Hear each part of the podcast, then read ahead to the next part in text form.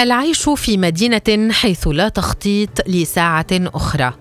أسيل ياغي على رقعة صغيرة من الأرض في جنوب غرب قارة آسيا في الجزء الجنوبي للساحل الشرقي للأبيض المتوسط وبين مدن محاذية لا تسمع ولا ترى خيم الظلم على الجزء الجنوبي من هذه البلاد.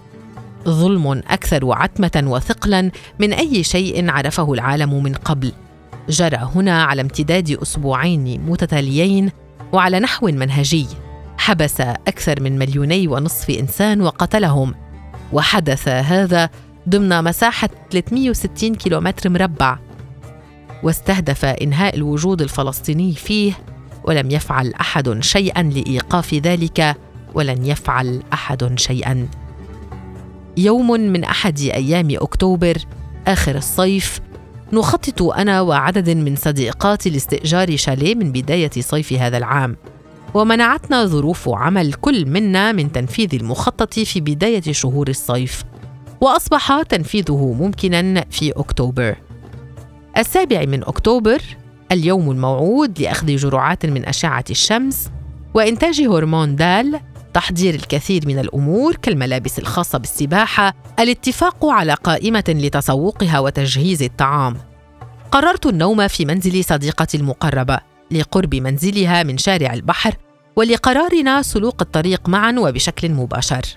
قمنا بتصنيف ما تسوقناه في أكياس منفصلة لمعاناتنا من هوس التصنيف والترتيب ولم ننتهي من ذلك حتى ساعة متأخرة من الليل. رقصت هي على موسيقى أغنية سبستنس وشاهدتها أنا بضحكات متواصلة.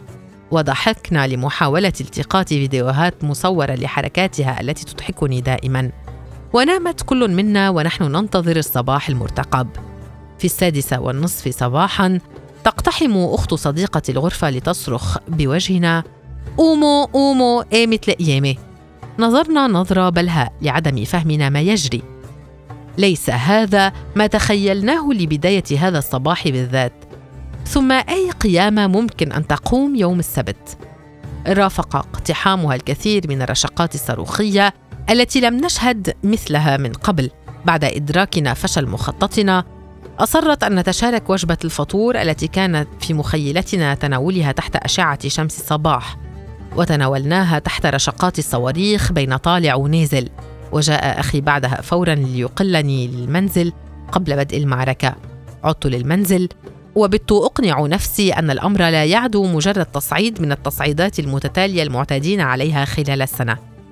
إلا أن أمرا ما جعل هذه المرة مختلفة عما سبقها. الحرب تلك الكلمة الكبيرة كم كانت ترعبنا الحرب في البداية. أقصد العدوان الأول والثاني والثالث والرابع والتصعيدات فيما بينها. كم أخذت من إنسانيتنا كم جعلت قتل الآخر سهلا ومرغوبا به بل وفي أحيان كثيرة واجبا. فجر الثالث عشر من أكتوبر على غير العادة قررت النوم مع إخوتي وأقاربي تحت سقف نفس الغرفة لعله حدسي الذي لم يخطئ ولو لمرة. فقد شعرت أن خطرا ما ات حاولت كعادتي أن ألقي بعض النكات للتخفيف من هول هذه الليلة ولم يسعفني دعاء جدتي.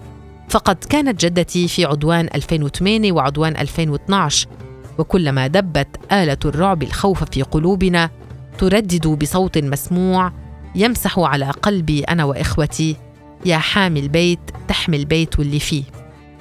توفيت جدتي في العام 2013 فورثت صوتها والدعاء وأصبح أول ما ينطق به لساني يا حامي البيت تحمي كل البيوت يلي فيها.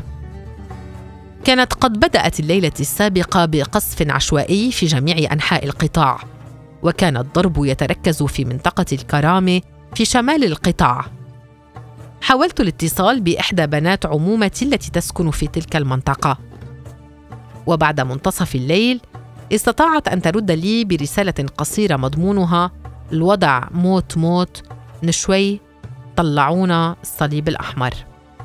في الثانية بعد منتصف الليل انتشرت رسالة عن طريق الأنروا والصليب الأحمر تطلب فيها قوات الاحتلال من سكان غزة وأقصد هنا شمال وادي غزة بالاتجاه فورا وخلال 24 ساعة إلى محافظات جنوب الوادي.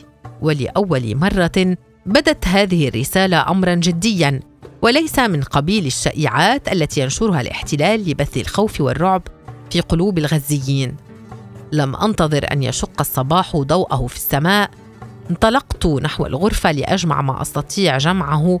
جلست على السرير وتأملت الخزانة فأدركت أن ما من شيء يمكن حمله في حقيبة وما من حقيبة تسع ذكرياتي.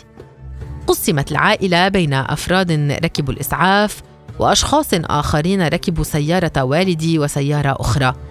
بكت أختي الصغيرة لخوفها أن يقصف أحدنا ويبقى الآخر.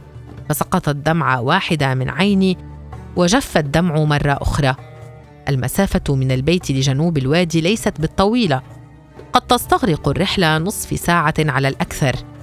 إلا أن الرعب جعل هذه النصف ساعة تتضاعف مرة تلو الأخرى. في اليوم السابع عشر للحرب ولشعور مني كما الكثيرين وقد يكون كاذبا أنني لن أكمل أيام الحرب الباقية إن استمرت. فسوف أعلن لكم إن كان يحق لي الكلام عن معظم أبناء جيلي الذين شهدوا المجزرة.